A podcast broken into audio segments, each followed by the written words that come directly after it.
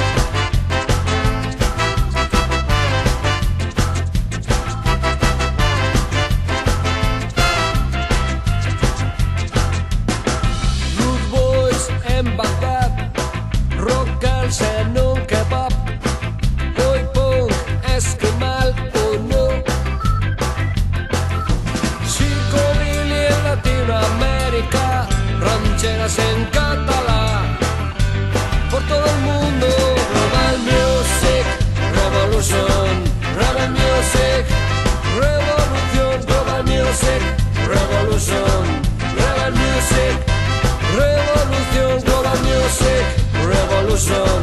Rebel Music Revolución, Global Music Revolution, Rebel Music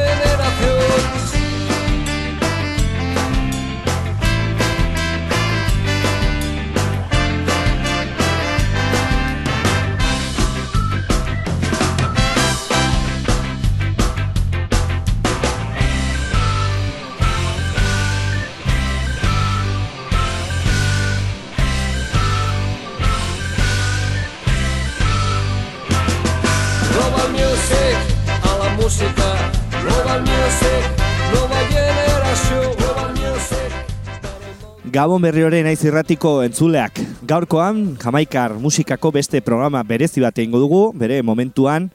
Studio One e, disketxe eta bueno, grabazio estudioaren inguruan egin genuen programa berezia, eta gaurkoan justo ba, garaikidea zen beste oso garrantzitsua izan zen beste ba, disketxe eta produktore baten inguruan hitz egingo dugu, bere momentuan Studio One, Koskone, e, goitizen zeukan tipoaren inguruan egin genuen programa, eta gaurkoan Duke Reith eta bere Tresur Isles ba, estudioaren inguruan hitz egingo dugu. Egia da, biak kasi egin zirela berrogeita amargarren amarkadan sound system munduan Amerikatik eta, bueno, etortzen zen musika e, Jamaikar Irland jarriz, gero denbora pasala, e, ba, musika hori versionatuta regea sortu egin zen Irland, eta berrogeita garren urtean Duke Reith bere estudio propoa, propioa sortz, sortu egin zuen, Tresur Islas, Isles deitzen zena, eta bueno, ba, bertan, bai eska garaian, eskatalaitz hasieran eta baita ere gero irurogeita laugarren urtean banandu zirenean eta bere estudiora musike, musikari bezala pasa zirenean, baita ere rockestediaren garaian, eta baita ere soul reggaearen ba, munduan sortu egin ziren emakumeen eta bertan kara, e, grabatutako musika eta diskoak entzungo ditugu. Egia da ez dela oso ezaguna tres urizles, Doug Ray oso gazte zela hile egin zelako, eta ba, bueno, desagertu egin zen edo naiz eta hortik aurrera izen horrekin jarraitu, bere momentu gorenak pasa egin ziren, irurogeita amargarren amarkadan, egia da berari, izen goitizen bezala Detroian esaten ziotela Jamaikan, eta izen hori Detroian ba, pasa egin zion gero Inglaterran sortu egin zen ba, Detroitan mitiko disketxe hori, zeinek musika regea kaleatzen zuen, eta, ba, bueno, ba, bertan, tresurir lesen grabatu ziren disko asko, berriro, redito, redizio batekin, atera ziren Detroitan izenpean, eta, bueno, ba, pixka bat, gutxinaka gutxinako bere historia, eta nola sortu zen ezagutuko dugu, ba, interesgarria delako, bai, tipoaren historia nondik datorri, nondik datorren ego zein zen bere ogibidea, musikaren munduan egon baino lehen, bere ogibidea polizia e, zen, eta, bueno, egia da, gero bere emakumeak, ba, edariak saltzen zituen denda bat e, zuela, eta tres urizles deitzen zela, eta berak, ba, bueno, ba, zakit animazio gehiago edo jende gehiago lortzeko bere, beraien, ba, alkoleak e, erosteko, sound system bat e, montatu zuela hor, ba, bueno, dendaren aurrean, Eta, bueno, oso famatu egin zen berak esaten zutelako grabe oberenak zituela eta, bueno, oberen entzuten zen lekua antzela. Eta handik aurrera behin pasa egin zela, ba, Amerikako Rhythm Blues ba, entzutearen moda eta beraien musika sortzen ari hasi egin zirela Jamaikako Irlan, bertan eta denda horren gainean, Tres Urizles estudia sortu egin zuen, eta, bueno, nahiko berezia, joango gara historia kontatzen eta nola lan egiten zuten, baina bueno, hasi baino lehen eta musika jamaikarrekin hasi baino lehen, guazen zutera, aste honetan YouTubeen aurkitu dudan disko oso interesgarri bat, disko hau mila esker lurri deitzen da, eta bueno, askotan entzun dugu irratxa joetan lurri, nik zale amorratu bat naiz, eta aldi berean baita ere Ruper Ordorikanen zale amorratu bat naiz, eta bueno, ba, Ruper Ordorika beste euskaldun artista batzuekin parte hartu zuen disko honetan, berak Romeo and Juliet e, abestia bertsionatu egin zuen, lurrezen New York diskoaren barroan arkitzen den abestia, eta bueno, besterik gabe guazen entzutera hau, baita ere azte gertatu egin den kontzertu berezi baten abestia, eta hasiko gara tresurizleseko musikarekin, beraz, aurrera orain, Ruper Ordorikak lurrizen egindako bertsioa hau da, Romeo and Juliet.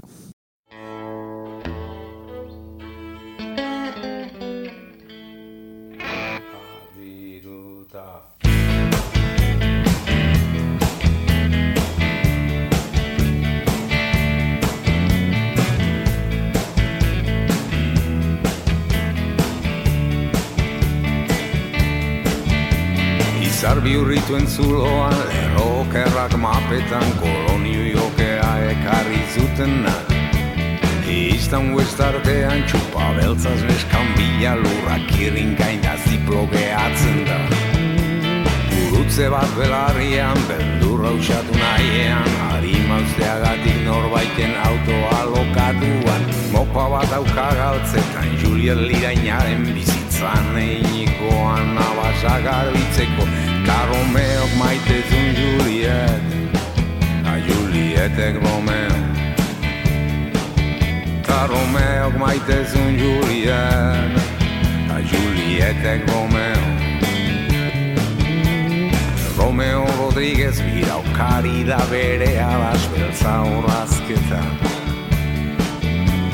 Bere lautza goguan kiratza komunetikan Geon eskaren hau mau zaintzen du begietan. Dan eskaen hau txakampai batzan.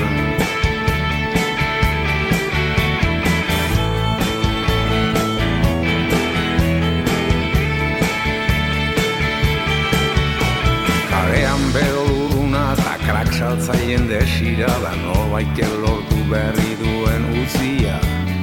Bai ez argi horri eman esku hona lotu eta bizkarrean dio joi diez txikia.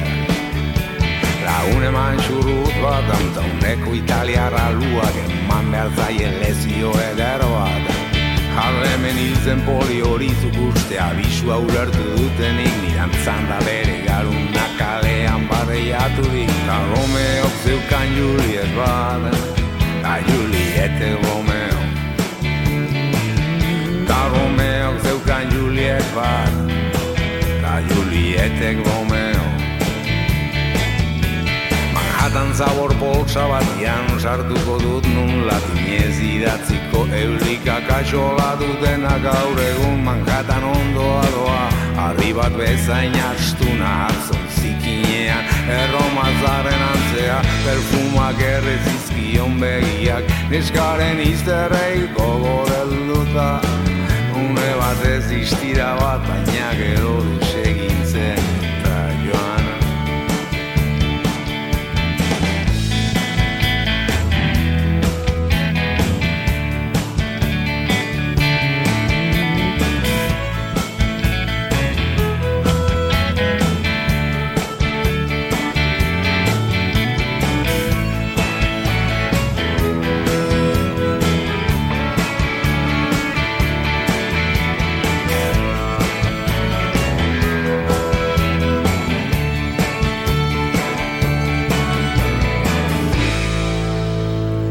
Beno, esan bezala, asteburu hontan kontzertu berezi bat egonda Bilbon, ba, ertzainak taldearen kontzertu hain zuzen, beste hiru kontzertu emateko elkartu dira, Bibilbon eta azkena haien alde ba, gazteizen, iraiak seian, nik ez duen e, iz, han egoteko aukera izan, baina bai ikusi ginuela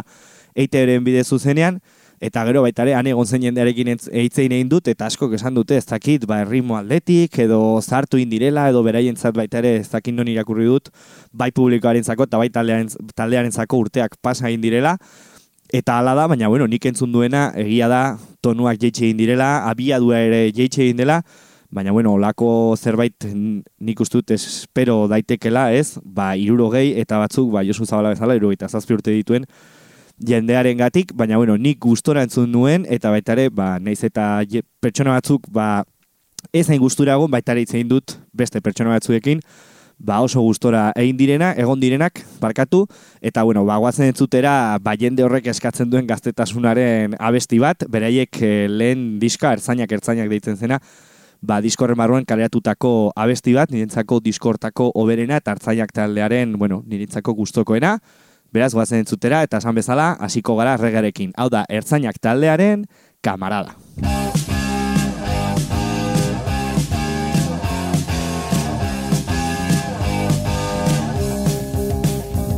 Ez zuen izan izan, ez zaiz gogoratzen ala Bazekiatu solan petuago la baina lapo bostuta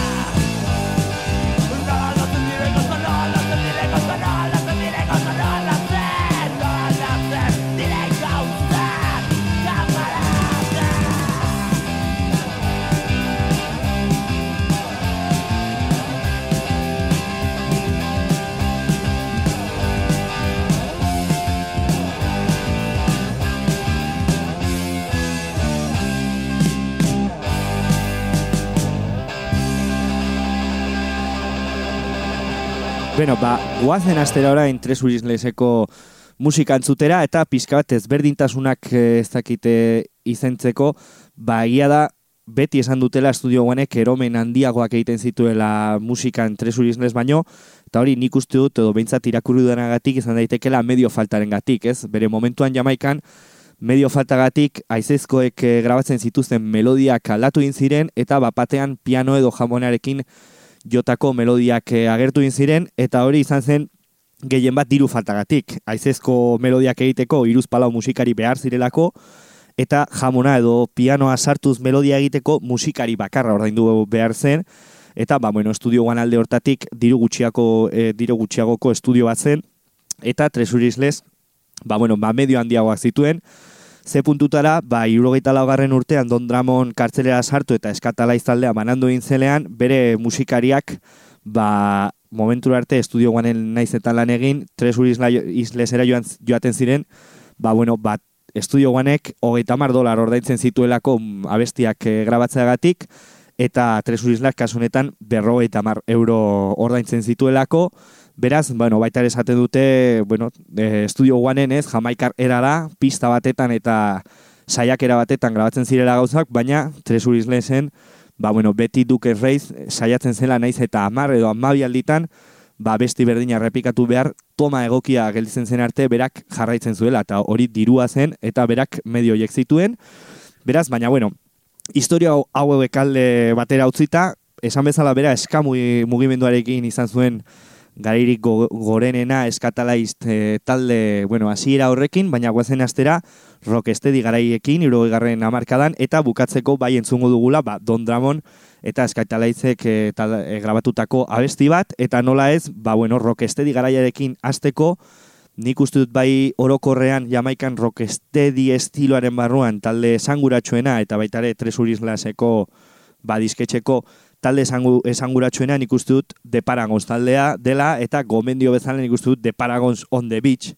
ba, diskoa reggae musika ez dakit o, gozatzeko edulertzeko entzun behar dela eta bertan dagoen, bueno, bertan ez dagoen abesti bat entzungo dugu, baina bai ba, bueno, bertxo bat jamaikan egiten zen bezala, guk baita eskaben taldearekin bertxonatu dugula eta milaka taldek bertxonatu dutena, ez? Eta, bueno, ba, besterik gabe, guazen entzutera. Hau da, de Paragon taldea, eta entzungo dugun oso ezaguna dena besti, The Blackbirds.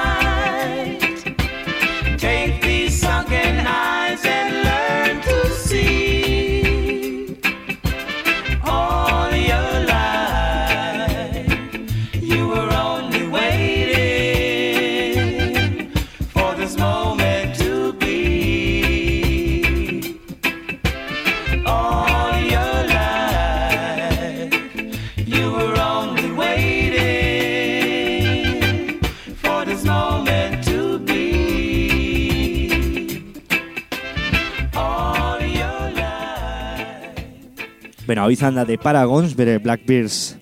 bertsioarekin, esan bezala, gomendio, gomendio bezala, The Paragons aldearen On The Beach disko osoa, hitez betetako disko bat da, ez dago ez da abesti bat txarra dena bintzat, eta bueno, niretzako bai egia delako rockestedi garaia izan zela, bueno, Jamaikar Irland sortu din zen, regearen inguruko estiloen aldetik, zakit, garai gorenena, naiz eta hasieran eska musikaren hasi, gero eskin erregea sortu eta Inglaterran Inglaterrara pasa eta kriston boom alortu eskin mugimenduarekin nirentzako politena edo bintzat, ba, bueno, musikari aldetik bai asko giritsi direlako gure gaur egunen arte, barrok estedi garaia da politena. Beraz, bueno, guazen jarraitzera. Hau da, The Technics taldea, eta entzungo duguna bestia, Queen Majesty.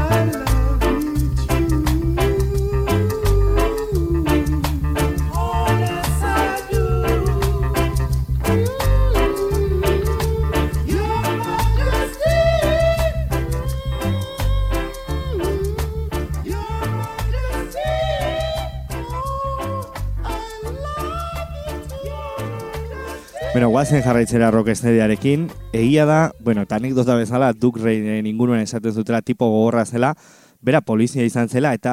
bueno, bera beti zera mala pistola bat gainean, eta baita ere, bena, bueno, naiz eta sound, system, sound systemak egin, ez duela bakarrik sound systemak jartzen eta musika jartzen, baizik eta berak baita ere, ba, bueno, izugarrizko dantzaldiak eta eromenak egiten zituela jendearen aurrean, baina, bueno, anekdota bezala ez, bera polizia izan da, eta gero produktore izan da, baina, bueno, beti zuela, bet- beti eramaten zuela pistola hori gainean eta askotan ez zuela arazorik ateratzeko eta baita ere disparo egiteko. Beraz hori anekdota bezala, tipo gogorra, oso gogorra zela, edo behintzat gogorra zentzu, zentzu okerrean, eta, bueno, ba, bueno, guazen garraitzera rockesteriarekin, eta garai hartan, irurugarren amarkadako garai hortan, de Paragons bezala, beste talde mitiko batzuk gelditu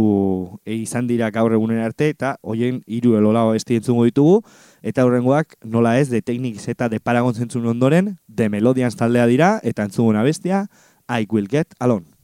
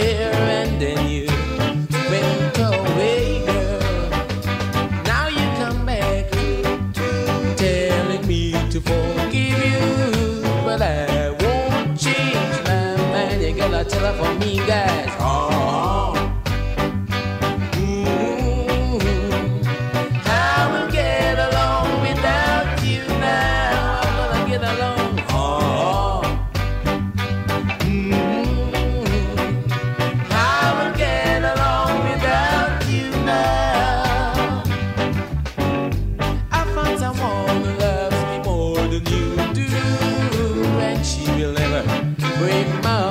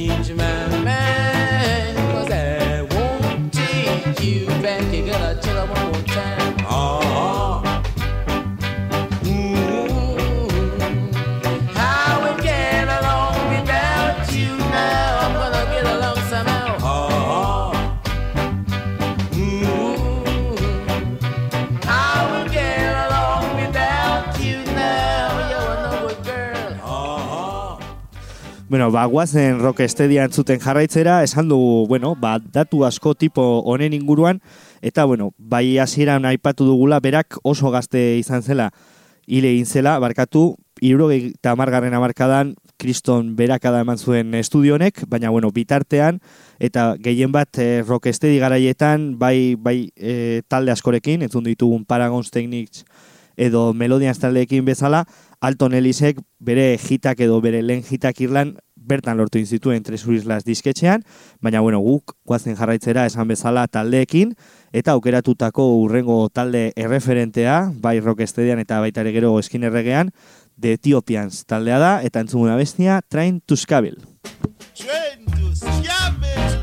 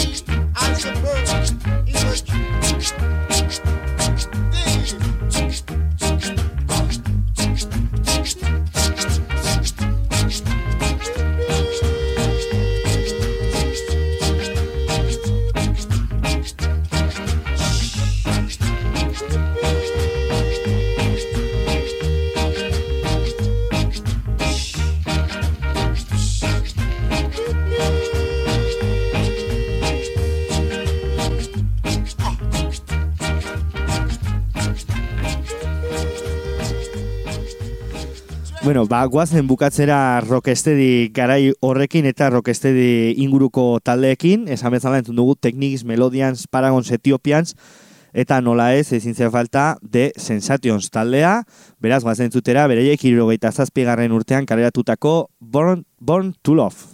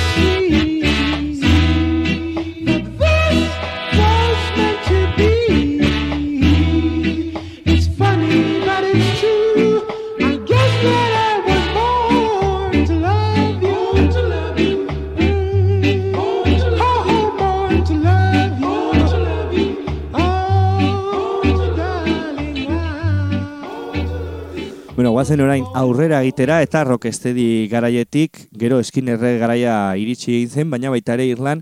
ba, reggae soul antzeko taldeak sortzen hasi ziren eta ba, bertan emakume asko garrantzi handi izan zuten, beraz guazen entzutera, ba, hor mugimendu horren barruan aritu ziren e, hiru abeslari garrantzitsu, gainera hauek baita ere tresurizlares ekin kareatu inzituzenak e, bere abestiak, eta bueno, hau izan zen azkeneko garaia, irurogeita amargarren amarkadetik aurrera, Doug Reid hil zenean,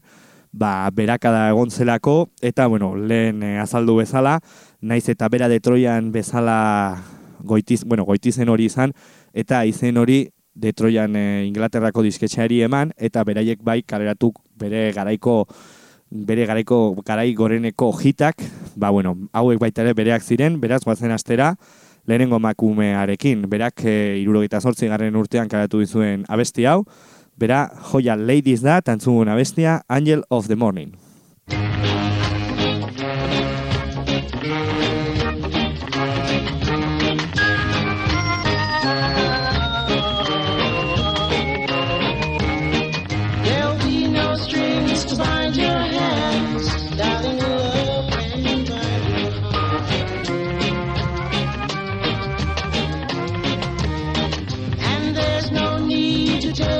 understand.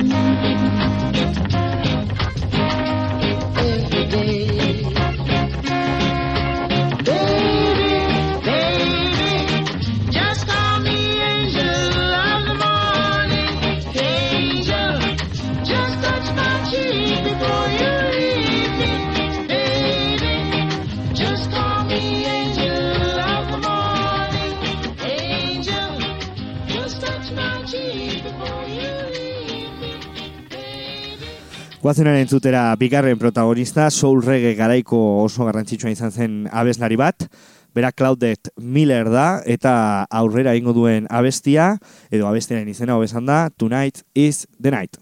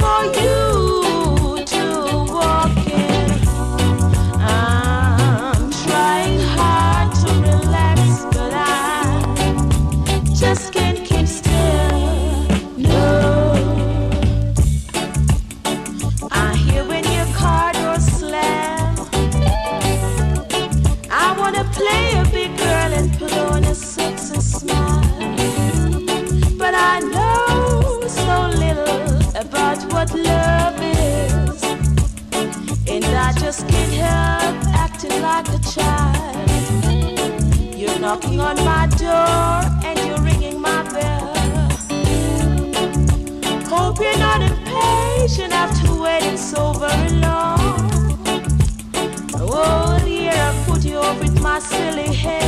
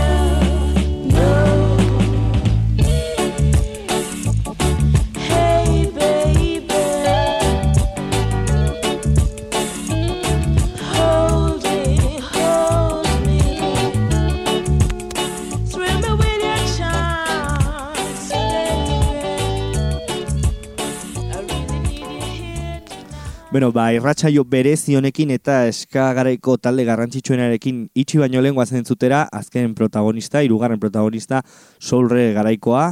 bera Philips Dailon da, eta, bueno, berak egindako abesti hau, eskingen munduan edo behintzarrege munduan o inguruan ibiltzen direnak, seguraski askotan entzun dutela abesti hau pintxadetan, pintxadetan ezin delako falta, horrelako hitik. Beraz, aurrera, Philips Dilonen perfidia.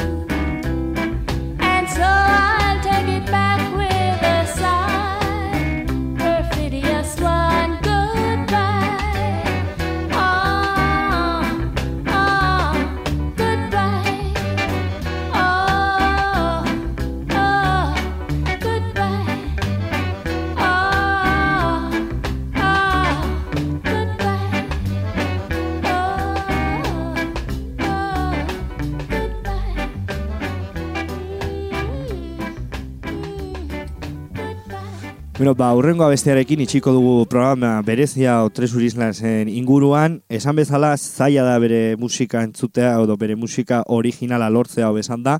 Baina bai, aukera daukagula gaur egun, ba, bueno, de Trojans idizketxaren izenpean, ba, kaleratu indiren ba, redizio asko, baina, bueno, guazen iztera, bertan egon zen, eta eskaga mugimenduaren barruan egon zen talde garrantzitsuenarekin, beraiek deskataliz taldea dira, eta nola ez, ba, Don Dramonekin, beraien sortzailea, egia da berak eh, kartzelean joan zela banandu inzina eskatalaiz, baina gaur egun ere, naiz eta ez dakit zenbat urte izango dituzen bere musikariak, aktiboki jarraitzen dute, beraz, guazen hau isteko, eta hasiko gara uztan afarrarekin, beraz, aurrera Don Dramon eta deskatalaiz taldearen Esther Standard Time.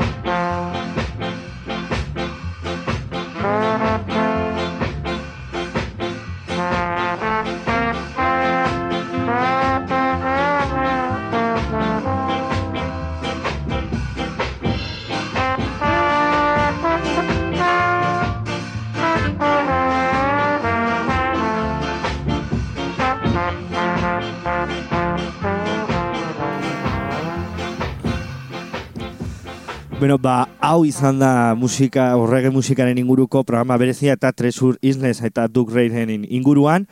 Informazio guztia esan beharra dut, eh, Jamaika, Jamaikarko fanzinetik Bilbon sortu izena eta gero Ovejas Negras Madrileko editorialak, ba, bueno, fanzine guztiak batu eta liburu batetan kaleratu zituzten eta benetan barruan agertzen den informazioa ba, bintzat oso berezi eta interesgarria da, eta, bueno, ba, esan behar nuen, hemendik atera dudala informazio guztia, eta guazen orain, naiz eta denbora gutxi izan, eta besti bakarra entzun, ba, uzan afarrarekin, aste hauetan entzuten e, egon gara, ba, olaia inziarte kareatutako azken diska, eta guazen, ba, beste abesti bat entzutera, ona kontan, ba, petiterekin egiten du kolaborazioa, beraz guazen entzutera, hau da, olaia inziarte, eta entzungo abestia, zerua gorriz.